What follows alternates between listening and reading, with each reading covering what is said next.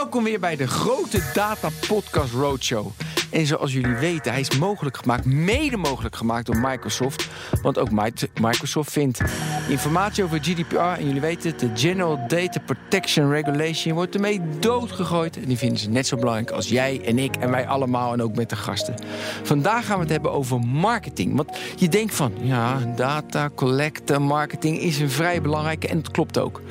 Dus de vraag is, wat verandert er voor marketeers aankomende mei en waar moet je op letten? En schept het wellicht ook kansen? Dat is natuurlijk altijd de vraag. Ik heb twee, en dan zoals altijd, weer fantastische gasten. Ja, dat zeg ik altijd. Het is, uh, het is nu echt zo. Nee, volgende keer is het echt zo. Nou goed. We hebben Daan Lohuis, Senior Digital Strategist bij marketingbureau AdWise.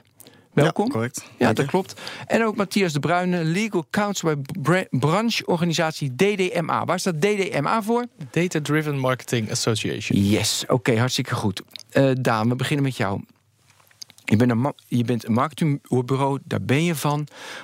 was je nou blij met GDPR dat dat aankwam? En dacht je van nee, er gaat alles. Nu kunnen we veel minder doen. Nou, als, als stratege maakt je eigenlijk niks uit. De eerste keer dat je naar kijkt, denk je, wat betekent dit allemaal? Dus dan ga je erin duiken, kijken van ja, hoe letterlijk mag je dit nemen? En bij een paar dingen denk je wel van, hey, is dat nou echt zo? En bij een paar collega's waar je mee aankomt, met name specialistenniveau, dan denk ik echt, dat meen je niet.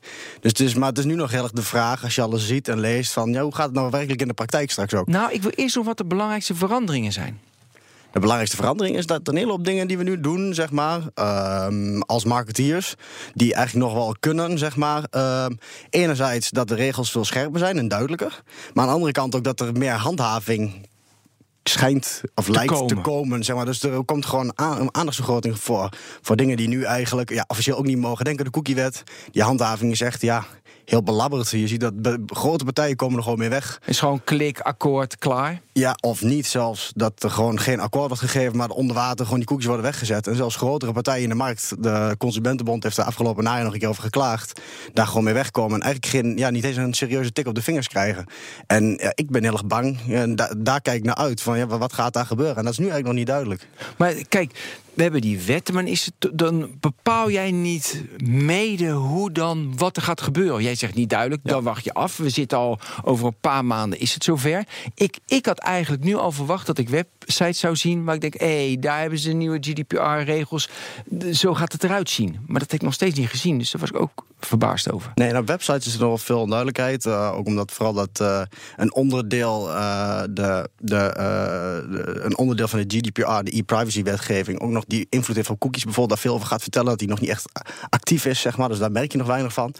Um, en vooral de dataverwerking, dat, dat, dat komt nu wel. Alleen in Nederland is er hij heeft er niet echt in voorop gelopen. In de UK bijvoorbeeld zie je dat wel sterk. Daar zijn dus die regels, die voorlopen van de GDPR al lang geïmplementeerd eigenlijk. Ja, en wat zie je dan daar? Nou, daar zie je wel dus veel meer GDPR-achtige dingen nu al. Daar worden meer boetes ook werkelijk al uitgedeeld, zeg maar. Niet van 20 miljoen ja, of 4% is het van de totale ja, omzet. Ja, maar dan ja, die? kleinere schaal, zeg maar. Meer tienduizenden, uh, honderdduizenden euro's. Wat er van serieus gehandhaafd. En daar zie je wel wat meer ja, vinkjes, toestemming, uitleg. Als je hier een account aan maakt, wat gaan we ermee doen? Dat doel wat de marketeer ermee wil behalen... is wat duidelijker omschreven allemaal.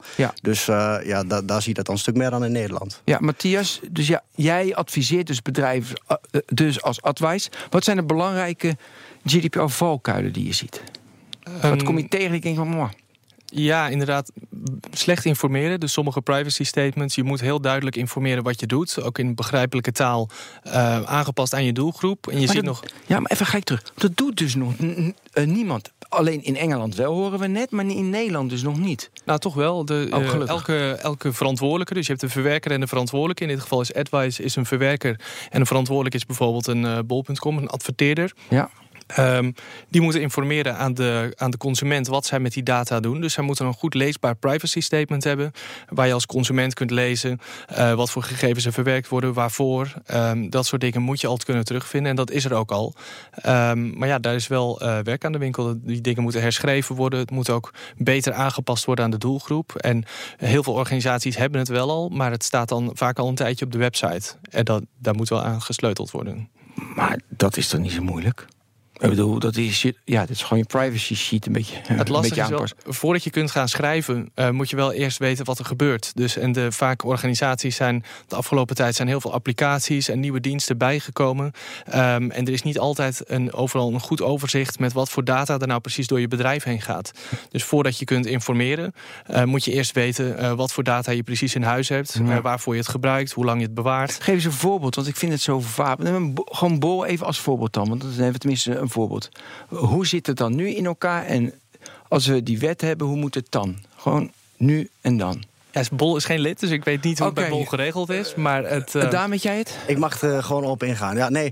ehm, ja, het ligt op heel veel verschillende vlakken, denk ik ook. Ehm, eh, jij, jij bedoelde net het voorbeeld van als je gewoon de website bezoekt. Eh, Bijvoorbeeld, Ja, wat verandert er? Daar begonnen we met die ja, vraag. Ja, nou, dan heb je bijvoorbeeld nog geen account. En daar gebeuren vrij online vrij veel spannende dingen. Want dan heb je allerlei advertentienetwerken die weten dat je op bol.com bent geweest. Facebook weet misschien wel bol- dat je bol.com bent geweest. Door de cookies en dat soort dingen. En dat zijn tegenwoordig ook, eh, dat is duidelijk gedefinieerd in de GDPR, dat dat eh, ja, pseudo-anoniem heet dat dan. En dat is een beetje nieuw. Dat je zegt van zonder al te veel moeite. Het is niet letterlijk dat ben jij, Ja. ben, maar wel eh, identificeerbaar als een individu. En Een dat IP valt er ook onder. uit- ja, precies. En dat mag straks letterlijk gezien volgens de GDPR niet meer zonder toestemming. Met name als het echt individueel is. En daar ben ik heel benieuwd. Wat gaat daarmee gebeuren? Hoe gaat Facebook, Google daar straks ook mee Ja, om? maar laten we. Precies, daar ben ik ook heel erg benieuwd naar. Maar wat voor scenario zie jij? Nou, want ja, Nu ben je benieuwd, ja, maar je zit hier in de studio Ja. om niet alleen. Ja, om benieuwd de, te zijn. Ja, maar om, de an- om, ze- om, eh, om ook met antwoorden te komen. Ja, waar ik heel erg op hoop eigenlijk, is eh, juist dat gelijke speelveld. Dus dat bijvoorbeeld, uh, nou, Aleid was hier eh, in een eerdere uitzending, Ja. dat zij ook echt die grotere partijen eh, serieus gaan eh, wijzen op die verantwoordelijkheid. Voor mij hoeven ze inderdaad ook geen 20 miljoen boete uit te delen aan, aan partijen die het niet doen. Maar alsjeblieft, ga daar, eh, ja, treed daar echt tegen op. En dan krijg je in ieder geval een gelijk speelveld. En dan is duidelijkheid voor iedereen. En dan wordt het veel makkelijker ook in de Ja, marketing. maar we gaan even eh, dus terug naar dat zeg maar, pseudo-anonimiteit. Mhm. Dus dat valt er straks onder. Dus dan kunnen ze, her, eh, kunnen ze herleiden dat ik Ben ben. Ja. Hoe, gaat, hoe gaat dan bijvoorbeeld een partij als Bol, maar we kunnen ook een andere noemen, een andere webwinkel of, een, eh, of eh, zeg maar bnr.nl. Hoe, ga, hoe gaan ze dan met de data om, zodat je mij niet kan herleiden? Nou, dat wordt voor individuele, individuele dingen heel lastig. Je kunt voor analyse, analyse kun je heel veel dingen echt wel anoniem maken. Dat je dus inderdaad eh, dingen echt loskoppelt van de individu. Maar als je, zoals de marketing nu vaak gebeurt, met ja, profilering en met eh, van die retargeting banners bijvoorbeeld. Ja. Dat jij zegt van nee, dat heb je nog niet gekocht. Dat wordt nu lastig. En ehm, om, als jij je nog niet zelf echt met toestemming geïdentificeerd hebt. Dus als, het, als die handhaving gebeurt en dat mag niet meer, dan zou je een interessante ontwikkeling gaan zien op marketing. Dat is namelijk, dan moet bol.com of elke webwinkel jou zover krijgen dat jij er baat bij hebt als jij je persoonlijk identificeert. Dat je zegt, ja, ik, ik wil Ja. graag gewoon persoonlijke aanbiedingen. En laat mij maar weten op andere kanalen wat voor dingen ik nog meer kan kopen of die nuttig voor mij zijn. En dan krijg je ook echt, daarvoor zijn we ook marketeers, dan krijg je nuttige, eh, een nuttige invloed van jouw persoonsgegevens op jezelf. Je hebt daar baat bij en dan wil je die toestemming wel geven. Ja, Matthias, dus je krijgt een tweedeling, zeg maar. Ik zie de tweedeling, dus ik wil wel, weet je, al mijn data prima, want ik krijg nuttige informatie. Of ik wil privacy. Is dat Ja, klopt. Je hebt, het is inderdaad, eh, vertrouwen wordt steeds belangrijker. Dus je moet als eh, organisatie zorgen dat je zo'n eh, band hebt met jouw klanten en prospect. Dat mensen jou vertrouwen en dat zij graag aan jou, waar dat nodig is, toestemming willen geven. Maar ik denk niet ehm, dat er onder de AVG, zoveel, de GDPR, zoveel strengere regels zijn met betrekking tot toestemming. Er zijn inderdaad wat aanvullende voorwaarden. Maar er zijn niet veel situaties waar je nu toestemming nodig hebt en waar het eerst niet, niet zo was. Dus eigenlijk verandert er heel weinig. Het valt wel jij. mee. Ik denk dat sommige dingen ehm, zal het inderdaad zo zijn dat mensen nu om toestemming gaan vragen, organisaties. Maar dan zijn dat in negen gevallen, tenminste in onze ervaring, bijna altijd gevallen waar dat al had gemoeten. Dus dat het in ieder geval niet nieuw is. Het is wel vanwege de boetes. Er zijn nu heel eh, hoge boetes die uitgedeeld kunnen worden. En dat gaat misschien ook echt gebeuren nu. Ehm, is het dan zo dat veel organisaties heel scherp naar hun compliance aan het kijken zijn. En het zou kunnen dat je daardoor nu vaker toestemming gaat vragen. Ehm, maar die regels daarover, eh, veranderen niet. Nou, dat pseudo-anonieme vond ik wel een goed voorbeeld uh, van waar het inderdaad nu al niet mag. Want die cookie-wetgeving, dat is dus iets. Je mag nu al geen remarketing geven, zeg maar zo'n cookie bijvoorbeeld, om jou te identificeren en dan ja. later advertenties te laten zien zonder een akkoord.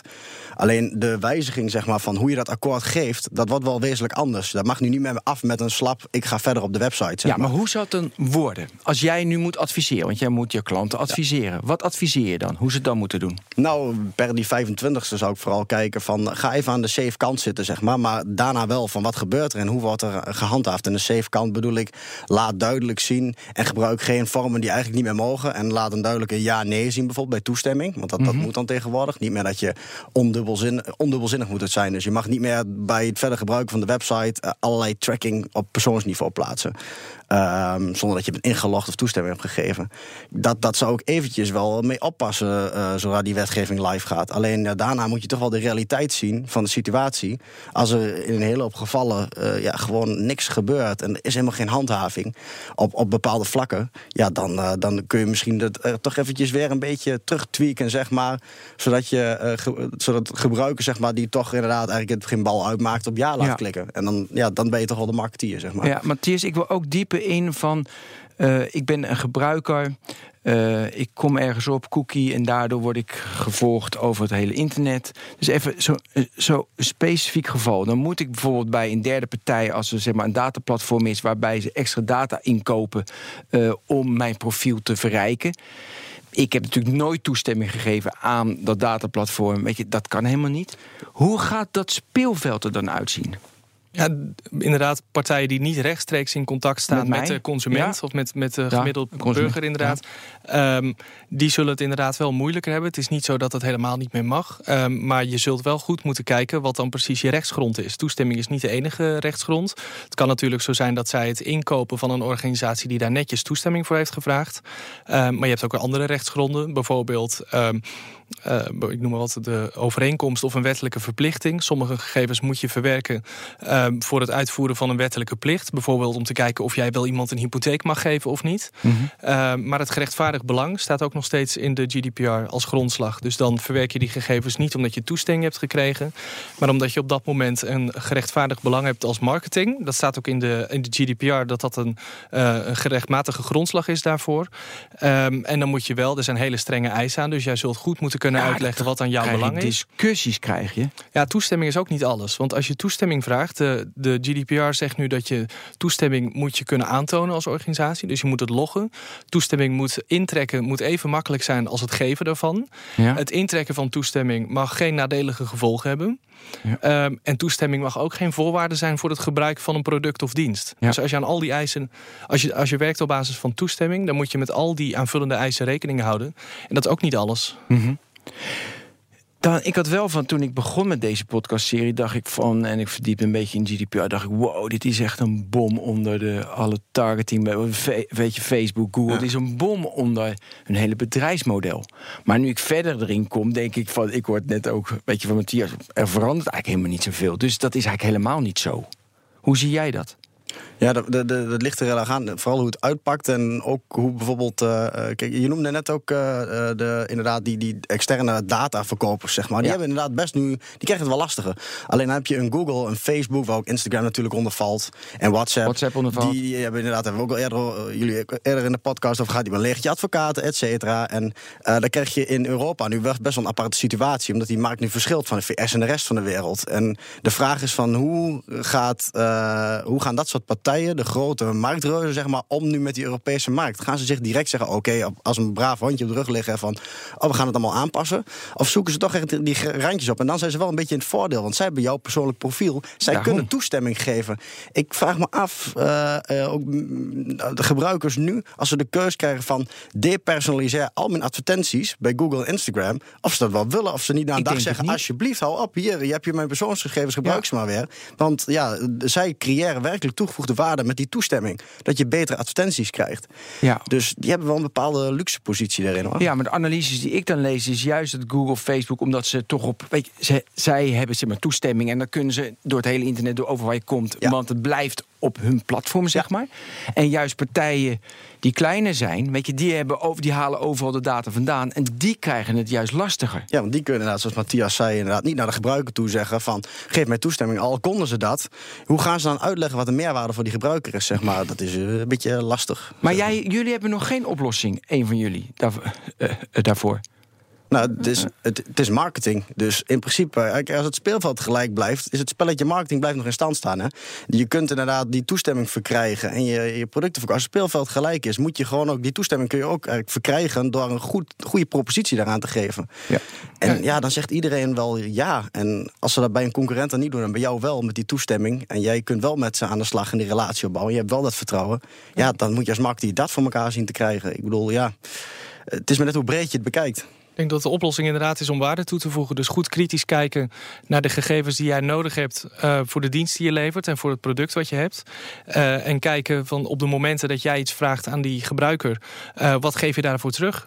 dus wat hebben mensen er echt aan? Dus denk bijvoorbeeld aan. Het is echt een marketing. nou, ik ben geen ik ben jurist. Ja, ja nou, misschien wel inderdaad. Ja. Toegevoegde waarde leveren. Nou ja, op zich inderdaad. Denk bijvoorbeeld aan de, een, de NS die een pushmelding geeft als je vergeet uit te checken. Dat zijn dingen waar mensen echt denken van, hey, dit is heel handig. En daar geven mensen met uh, alle liefde toestemming voor uh, aan zo'n app. Uh, dus je moet inderdaad goed kunnen uitleggen dat mensen er iets aan hebben. En ja. dat mensen vertrouwen dat jij verantwoord met hun gegevens omgaat. Oké, okay. even, weet je, als je alles leest, kom je op verwerkingsregister. Wat is dat? Waar moet je dan op letten? Denk... Ja, je moet een, een, register aanleggen. Eerst, vroeger was het heel onder de oude privacywet, of ja, de huidige privacywet, was het heel spannend dat je gegevens verwerkte. dan moest je daar een melding van doen bij de toezichthouder. Nou, dat hebben ze geschrapt, omdat iedereen tot de bakker en de slager nu persoons gegevens verwerkt. Um, nu moet je een, uh, de meeste organisaties, ik denk zelfs bijna iedereen die aan marketing doet, moet een verwerkingregister aanleggen.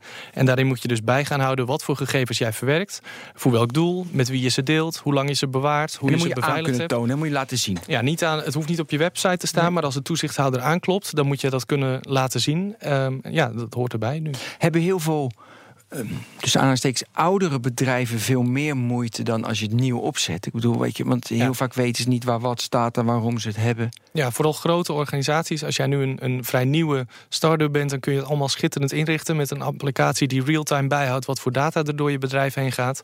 Maar zeker de oudere organisaties, die vaak drie keer gefuseerd zijn met oude applicaties en oude infrastructuur, is, is het inderdaad heel lastig om eerst inzichtelijk te maken met wat gaat er allemaal door ons bedrijf heen, waarvoor gebruiken we het. Uh, dus dat is best een hele klus. Ja, maar Daan, ook voor nieuwe bedrijven is het ook lastig. Want je weet, want je weet, je weet vaak niet wel hoe het over twee, drie jaar is. Dus je verzamelt data alvast voor mensen. Maar, want je moet dus aan kunnen tonen waarom je die data verzamelt. Waarom dat is. Maar ja, weet je wel, dan is het wel echt voor de komende half jaar. Want vaak ontwikkel je als bedrijf ergens naartoe waarbij je het helemaal niet weet. Ja, de Hoe meeste, ga je daar dan mee om? Dat is ook een beetje de, de, dat, dat, dat zal misschien straks ook een beetje bekend staan als eh, de, de, ja, de, de, de pot met goud, zeg maar. Die is altijd van trek alles maar binnen, alles dat verzamelen wat er is. Ja, ja. ja. En, uh, maar dat, dat kan dus niet meer. Dat mag al niet. Dat mag al vaak niet. Alleen dat is nu wel de praktijk die je vaak ziet. En ook de mentaliteit bij de gemiddelde persoon die weinig met privacy besef heeft. Die zegt gewoon, ja, sla me op. Of, of e-mailadressen, eh, doe allemaal maar hier. Uh, verwijder maar geen gegevens. Waarom vragen we het? Ja, weet ik veel. Straks willen we misschien een, een, een mail verzenden bijvoorbeeld. Of, of een marketingactie doen met X. Ja, dan kunnen we dat doen. Maar ja, in een nieuwe situatie, dat heb je toestemming. En moet je van tevoren al zeggen eigenlijk aan degene van wat ga je ermee doen. Dus dat wordt lastig. En ook met de huidige data die je al hebt. Hè, Wat je nu dus hebt verzameld, dat mag je straks naar 25 mei niet meer zomaar. Dat, dat valt er ook onder. Het is niet zo van, oh, ik heb dat al voor 25 mei gedaan. Dus ik mag nu ja. wel gebruiken. Dus je mag niet, je hebt je databak bijvoorbeeld met allemaal zeg maar, klantgegevens. En dan denk je van, hé, hey, ik ga zeg maar na 25 mei, ik ga dan even kijken van hoeveel, en dan heb ik een andere database en zie ik hoe vaak ze fietsen. En denk van, hé, hey, dan kan ik een nieuwe propositie opbouwen. Ja. Dat wel, kan dus niet. Nou, dat vind ik best wel zonde. Dat is wel gerechtvaardigd belang natuurlijk, inderdaad, wat Matthias al oh, noemde. Die, weer, ja. die zit er wel in. Als je zegt klanten, je mag verwachten, de klant mag ook verwachten dat je, als klant informeert over uh, een, een upgrade voor je fiets, noem maar wat. Maar je mag niet meer zomaar marketing, ja, we noemen dat dan leads. Hè? Dus ja? gewoon mensen die nog geen klanten zijn, ergens een e-mailadresje vandaan trekken. Dat mag nu ook al niet, maar dat zal nog strenger worden. Of iemand die in het verleden heeft gezegd: doe maar een keer een nieuwsbrief. Inderdaad dan dat soort informatie gaan sturen, dat wordt lastig. Doelloos gegevens verzamelen. Dus dat je het eerst verzamelt en dan later gaat bedenken waar je het allemaal voor gaat gebruiken. Ja, dat is nu uh, net zo fout als dat het volgend jaar is. En uh, ook informeren daarover op het moment ja. dat het verzameld uh, is. Het gebeurt misschien niet altijd, maar dat is in ieder geval niet iets wat nieuw is. Ja, maar dan denk ik wel heel erg snel aan Google en Facebook. Ja, ook niet doelloos, want ze willen advertenties verkopen. Weet je, maar dan denk ik wel, ja, ja, oké, als je het heel va vaag, groot zeg maar, formuleert, ja, dan kan het altijd. Of ja, het moet wel, ja, klopt. Wel, inderdaad, gebeurt wel veel dat je zegt: oh, het doel is marketing, ja. bijvoorbeeld. Of het doel is het verbeteren van de klantervaring. Ervaring, ja, ja. die is dus, altijd om relevant te blijven. Nee, maar kan dat dan wel of niet? Even serieus. Nee, het moet specifieker zijn. Tenminste, zeker voor toestemming. Als je toestemming vraagt, um, dan moet het echt heel specifiek zijn. Um, als je. Um, Uh, als, als het niet op basis van toestemming is, moet je nog steeds informeren. Uh, maar je moet wel een breed. Je moet de mensen wel een idee geven waarvoor je het nodig hebt. En net als bijvoorbeeld als jij iemand inschrijft voor de nieuwsbrief, hoef je niet te vragen hoe oud hij is. Ja. Um, ja, dat kun je misschien wel uitvragen en mensen vullen het misschien wel in. Uh, maar als je het niet nodig hebt, um, dan hoef je het niet te verzamelen. Mm -hmm. Je mhm. moet het altijd kunnen uitleggen. Hebben jullie, weet je, we hebben ook wel in een eerdere aflevering gesproken over de kansen. Hebben jullie nagedacht over de kansen voor marketeers? Wat is nu echt de kans? Of word je verplicht omdat je relevanter moet zijn? Want dat zei je net, dus je wordt meer verplicht. Of zijn er ook nog andere kansen? Dan denk ik van, hé, hey, daardoor wordt het beter. Nou ja, de, je hebt, um, stilte. Ja, ja, dan ga je even nadenken natuurlijk. Uh, ja, de, de, dat, dat is een beetje een cliché, eh, bijna permission-based marketing, zeg maar. Uh, dat is gewoon marketing op basis van toestemming. En welke kans ik daar wel in zie, is vooral dat er nu heel veel inderdaad data, e-mailbestanden wordt verzameld. En ja, je hebt vaak genoeg, uh, kom ook in de praktijk een manager tegen die zegt: We hebben een adressenbestand met 100.000. doe deze actie, wat helemaal fantastisch. En dan uiteindelijk, ja, dan zie je de statistieken. 0,1%. ja. 0, 0, gaat helemaal mis. Um, en ook omdat je bijvoorbeeld die toestemming en zo voor het gebruik uh, moet uh, actualiseren. Dan mag je niet te eeuwig lang bewaren. Dat je een veel schonere database krijgt. En veel meer kwaliteit, zeg maar. In al, met alle gegevens waarmee je werkt. Dus je wordt dat is wel een voordeel hoor. Ja, dus je wordt verplicht. Dat is eigenlijk de kans om relevanter te zijn. Om, toch? Ja, je haalt al, die, al die, die, die, dat bereik wat eigenlijk niks zegt. Je gegevens worden wat puurder. Je datakwaliteit wat beter. Waardoor je inderdaad ook veel gerichter en, en veel meer inzicht krijgt in de acties. Uh, die je werkelijk die, die, ja, die rendement opleveren, die raad, dat conversieratio wat je net noemde, mhm. van de mensen die wat relevants doen, die ligt dan gewoon een stuk hoger. Dus het is ja echt een kans Misschien niet. Het is wel als, als je wordt meer verplicht. Je wordt in een richting opgeduwd dat het nu eindelijk dat ja, we relevante marketing moeten hebben. om te rammen met de massa, zeg maar, uh, met, uh, met persoonsdata, zeg maar. Omdat, ja. uh... Maar Matthias, kunnen we dan de conclusie trekken dat dankzij de GDPR de marketing nooit meer vervelend wordt, de reclame, weet je, maar eigenlijk heel fijn. Het wordt relevanter. Of is die conclusie te heftig? want ergens kan het oh, ook zo zijn dat, door mensen, dat mensen minder uh, banger zijn om gegevens te verzamelen, vaak onterecht. Trouwens, dat, dat je misschien uh, minder goed kan personaliseren en dat je toch weer die advertenties krijgt voor dingen die voor jou helemaal niet interessant zijn. Juist omdat er gegevens worden weggegooid. Dat, die kans is er ook. Dat is interessant. Ja. je weet niet Daan, wat je krijgt als je. Ja. Daan, welke kant denk jij, hoe zal die balans zijn? Nou ja, ik, dat, dit hangt dus van individu af. En ik denk dat je dat ook op verjaardagen misschien wel gaat zeggen: van wat heb jij, hoe heb jij je instellingen staan? Hoe ziet het er bij jou uit? En dat dat inderdaad een bepaalde, ja, misschien een cultuuromslag wordt. Maar aan de andere kant denk ik nog steeds van ja, hoe zeg is die handhaving? Uh, ja, okay. ga je 26 mei in één keer dat helemaal anders beleven? Nee, dat gaat, mm. dat gaat rustig groeien. Ja. Oké, okay, nou, het biedt dus kansen, maar ook weer, het hebben restricties. Dus uh, dat wordt weer heel wat. Mannen, bedankt. Ik dank Daan Lohuis, senior digital Senior Digital Strategist bij marketingbureau AdWise... en Matthias de Bruyne, Legal Counsel bij de brancheorganisatie DDMA. Dit was het weer. Blijf de grote Data Podcast Roadshow volgen... en luister onze andere uitzendingen terug... over de vraag wat privacy nu eigenlijk is. Een interview met waakhond Aleid Wolfsen over technologie... alles over de GDPR en in de grote Data Podcast Roadshow. Tot de volgende keer. Zo goed voor jezelf en vooral natuurlijk je data.